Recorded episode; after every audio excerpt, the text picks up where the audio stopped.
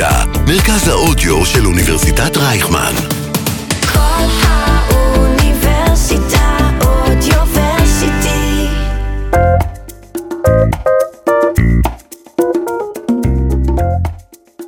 שלום לכל המאזינים והמאזינות.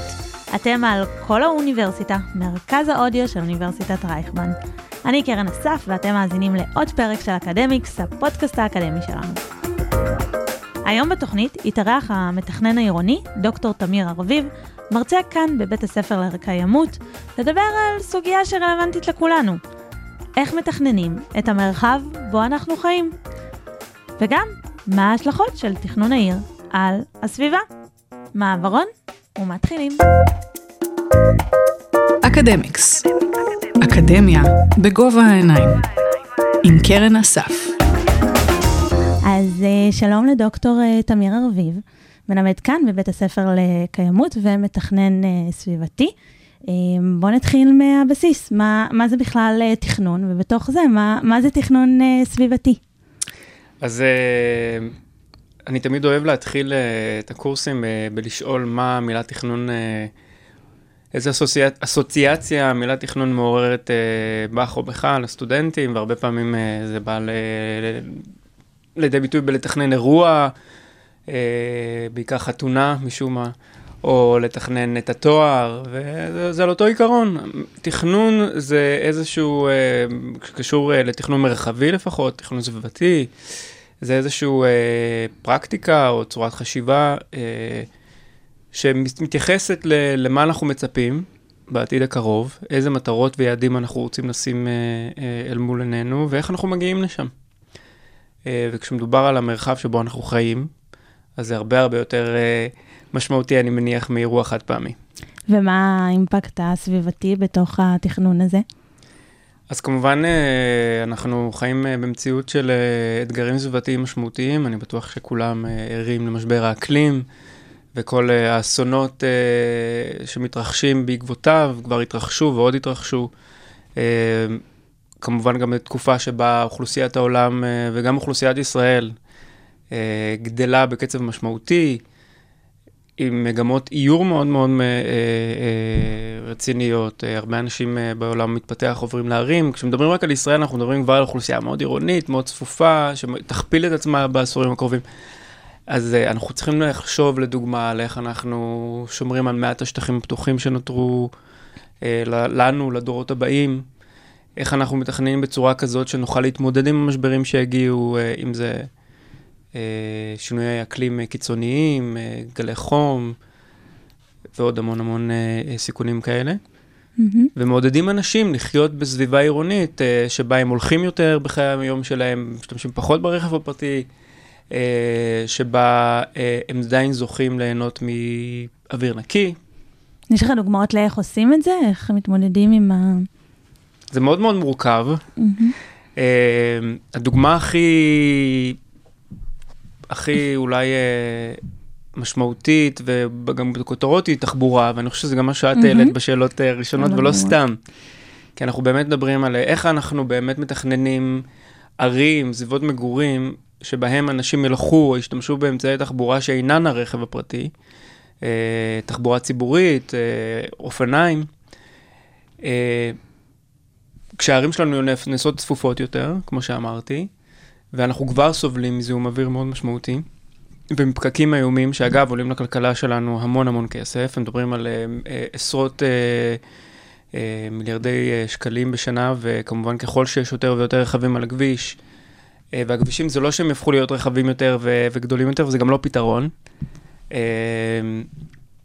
אז איך אנחנו עוברים לצורות יותר מקיימות של, של תנועה במרחב העירוני ובכלל במרחב אה, בישראל. אז איך עושים את זה? זה עניין של... אה, בסופו של דבר זה תמיד מגיע ל- להקצאת משאבים, אז להקצות יותר משאבים לפיתוח תשתיות של תחבורה ציבורית. אה, אם מדברים על מטרופולין תל אביב, אז כולם ודאי שמעו על תוכנית המטרו ועל הרכבת הקלה, שכבר הקו האדום נמצא כמעט בשלבים סופיים של פיתוח. זה קשור לרגולציה, אה, נתיבי תחבורה ציבורית, אה, או נתיבים שמיועדים ליותר מנוסע אחד. התחלת לדבר על המטרו, באמת, יש אה, כל מיני ביקורות על המטרו, וזה משהו שאם מדברים על תכנון, על משהו לטווח הארוך, יכול להיות קשור לעוד הרבה דברים. אנחנו חושבים על בעיה שקיימת עכשיו, אבל לתכנן, לפתור אותה יכול לקחת 20 שנה, ועד אז יכול, גם הצרכים יכולים להשתנות וגם הטכנולוגיה יכולה להשתנות. למשל, מדברים על זה שיהיה רכבים אוטונומיים שלא צריכים חנייה, שיכולים לסדר מסלולים, ואולי בכלל לא יהיה צריך את המטרו. יש איך להתגבר על כל מיני... אז אני אחלק את זה לכמה חלקים את השאלה, כי היא שאלה מצוינת. באמת, התוכניות האלה הן בדרך כלל לטווח מאוד ארוך, יש המון אי ודאות, בטח כשמדובר במטרו, ראינו שכבר ברכבת הקלה ישנם עוד ועוד ועוד ועוד עיכובים, וכמובן, אה, תמיד כשבונים כאלה תשתיות, אה, אז יש אה, מחירים שמי שגר באזור משלם, כמו רחובות שנחסמים, אזורים שלמים שמשמשים לאזורי עבודה, זה מאוד מאוד לא נעים, ו... זה יכול לפגוע בעסקים, בתושבים מקומיים, וכמובן גם באנשים שרגילים או נזקקים לרכב פרטי כדי להגיע ממקום למקום. אז אה, זו שאלה מאוד מורכבת, איך עושים את זה בשלבים שונים מבלי לפגוע אה, באוכלוסיות אה, שגרות ומתניידות באזור. ואין תשובה חד משמעית. התשובה החד משמעית שאני יכול לתת היא שאין לנו ברירה אלא לעבור למערכות הסעת המונים.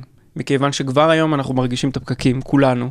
אמנם בימי הקורונה הרגשנו אותם פחות, אבל הבנו מיד ש, ש, שנפתחו, אה, שחזרנו אה, לעבודה רגילה, אז כבר אנשים הרגישו שוב את הפקקים, אפילו, יש אנשים שאמרו אפילו זה נהיה יותר גרוע, אה, וזה רק ילך ויהיה יותר גרוע. אז זה, זה מין אה, צו שעה שהוא אה, גם מבחינה כלכלית, בטח סביבתית, אה, מחייב. אה, אני חושב שגם אם נעבור לרכבים אוטונומיים זה לא יפתור את הבעיה, גם רכבים היברידיים אגב, אולי זה יפתור את בעיית הזיהום אוויר, אבל עדיין מבחינת פקקים זה לא יפתור לנו את הבעיה. אה, לכן אין, אין באמת חלופה אחרת. אז, אז צריך באמת אה, אה, להבין שה... שה אה, פעמים הפרויקטים האלה הם באמת נפרסים להמון המון שנים, והם כרוכים באי נעימות, ויש שלבים שונים, ולעשות את המעבר הזה באופן הדרגתי. אה, וגם לתכנן סביב אותם אזורים, זאת אומרת, גם אם אפילו היום אנחנו יודעים איפה ימוקמו תחנות המטרו, כבר היום יש תוכנית אה, מתאר ארצית שמתייחסת לבינוי סביב תוכניות המטרו, אז לדוגמה, mm-hmm. תוכניות שמאושרות שם יהיו בצפיפות יותר גבוהה, עם תקני חנייה יותר נמוכים, תקני חנייה זה אומר ש... אה, אה, יהיו פחות מקומות חנייה, כי יודעים שמרחק הליכה למטרו הוא קצר יותר, אה, עם עירוב שימושים, שזה גם משהו מאוד חשוב, שלא יהיה רק מגורים, אלא גם תעסוקה ליד התחנות, וגם אה, מסחר ושירותים ציבוריים. אה, ככה שבאמת כבר היום אנחנו מייצרים סביבות מגורים ל-20 שנים הקרובות, 20-30 שנים הקרובות, שהן כבר מיועדות להליכתיות ושימושים אה, אה, מעורבים אה, בחיי היום-יום. רק כדאי שנבהיר, למה עירוב שימושים זה משהו שהוא כל כך אה, חשוב? מכיוון שאם אנחנו גרים, אה, כמו המון, אה, המון אנשים בישראל היום גרים באזורים שבהם אם רוצים אה, אפילו ללכת למכולת או לסופרמרקט, הם צריכים לקחת את הרכב, שלא נדבר על למקום העבודה או לכל צריכה של שירות ציבורי.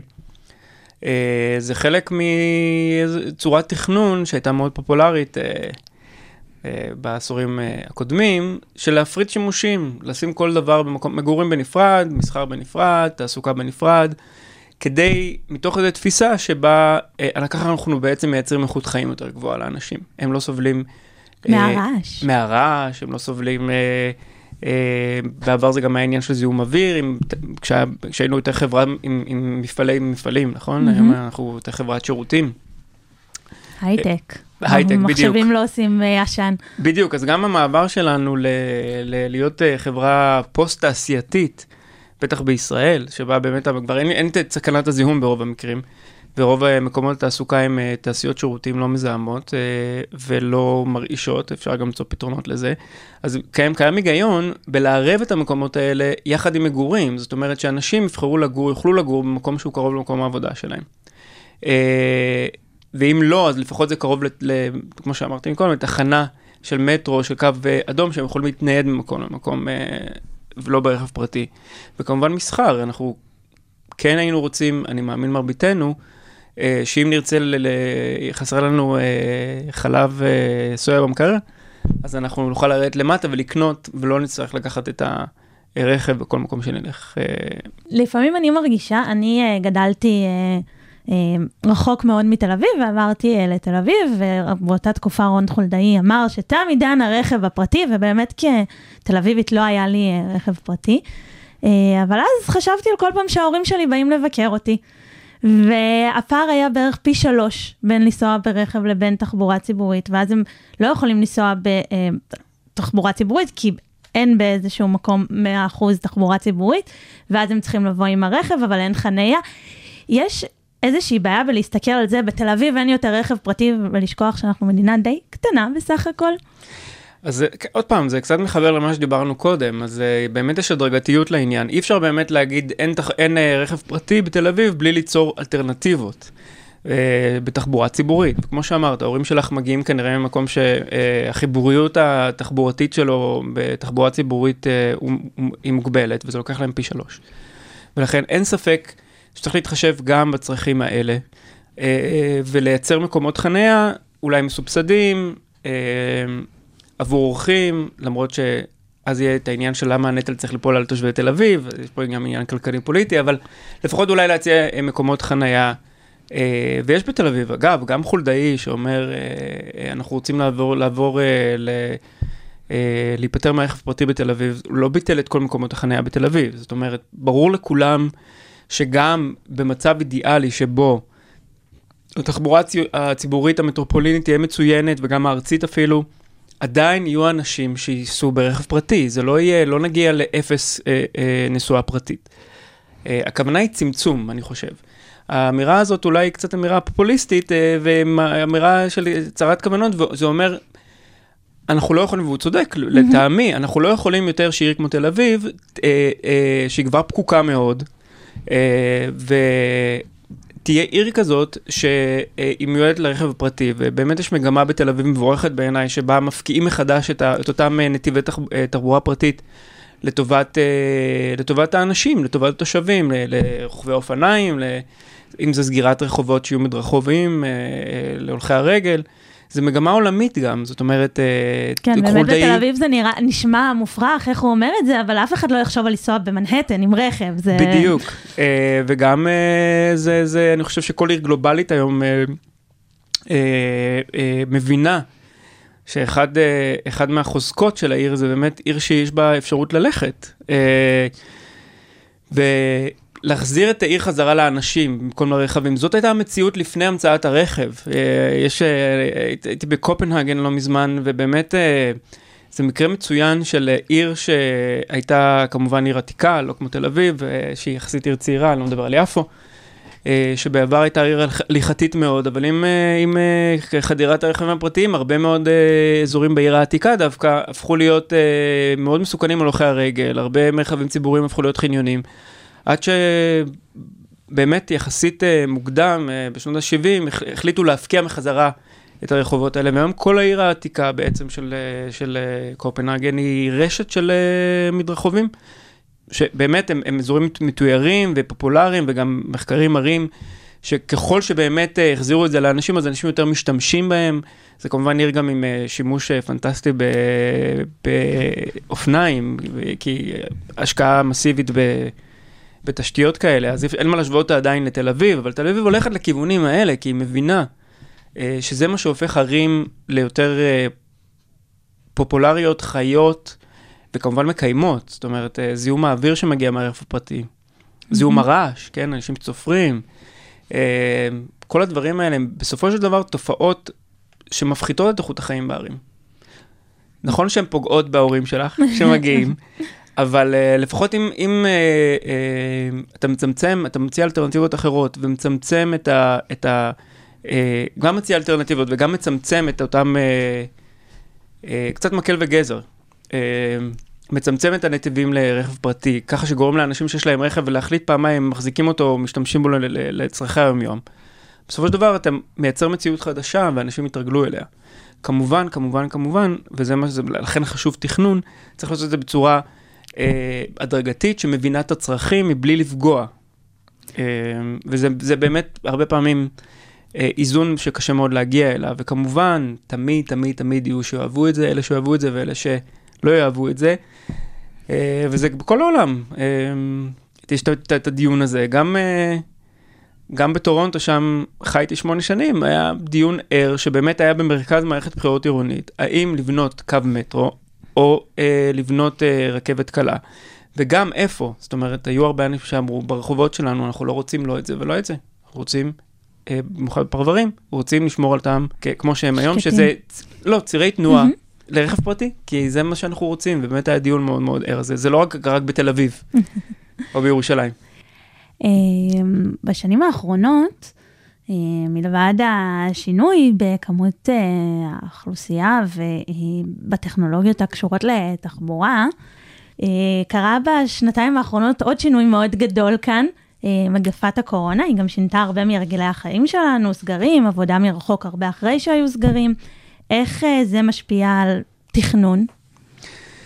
אה, אני חושב שבשיח התכנוני לפחות, אה, גם אה, האקדמי וגם אפילו בשיח ב- במינהל התכנון בארץ, שאמון על הנושא של רגולציה וחזון, וגם בעולם, אז באמת הקורונה עשתה איזה סוג של סוויץ', או לפחות עצירה מחדש לחשוב על מה ההזדמנויות שיש לנו בעצם באמצעות המשבר הזה, לעירוניות טובה יותר, או לתכנון של הסביבה הבנויה בצורה מקיימת וטובה יותר, וגם איומים, זאת אומרת, זה המחיש את ה... אה, גם, גם את הפערים שקיימים. אז אה, קודם כל, ללא ספק, המשבר הזה שבאמת הכריח את כולנו להישאר בבתים, ותקופה מסוימת להתרחק במרחק של עד קילומטר ממקום המגורים שלנו, אה, המחיש את הפערים שקיימים בסביבה הבנויה עבור אה, קבוצות שונות, אם אתה גר בעיר, באיזה עיר אתה גר, לעומת במושב, שיש לך שטחים פתוחים. אה, איך המרחב הב- הבנוי הזה בעצם אה, סביבך אה, משפיע על היכולת שלך להתמודד עם, ה, עם הסגר הזה.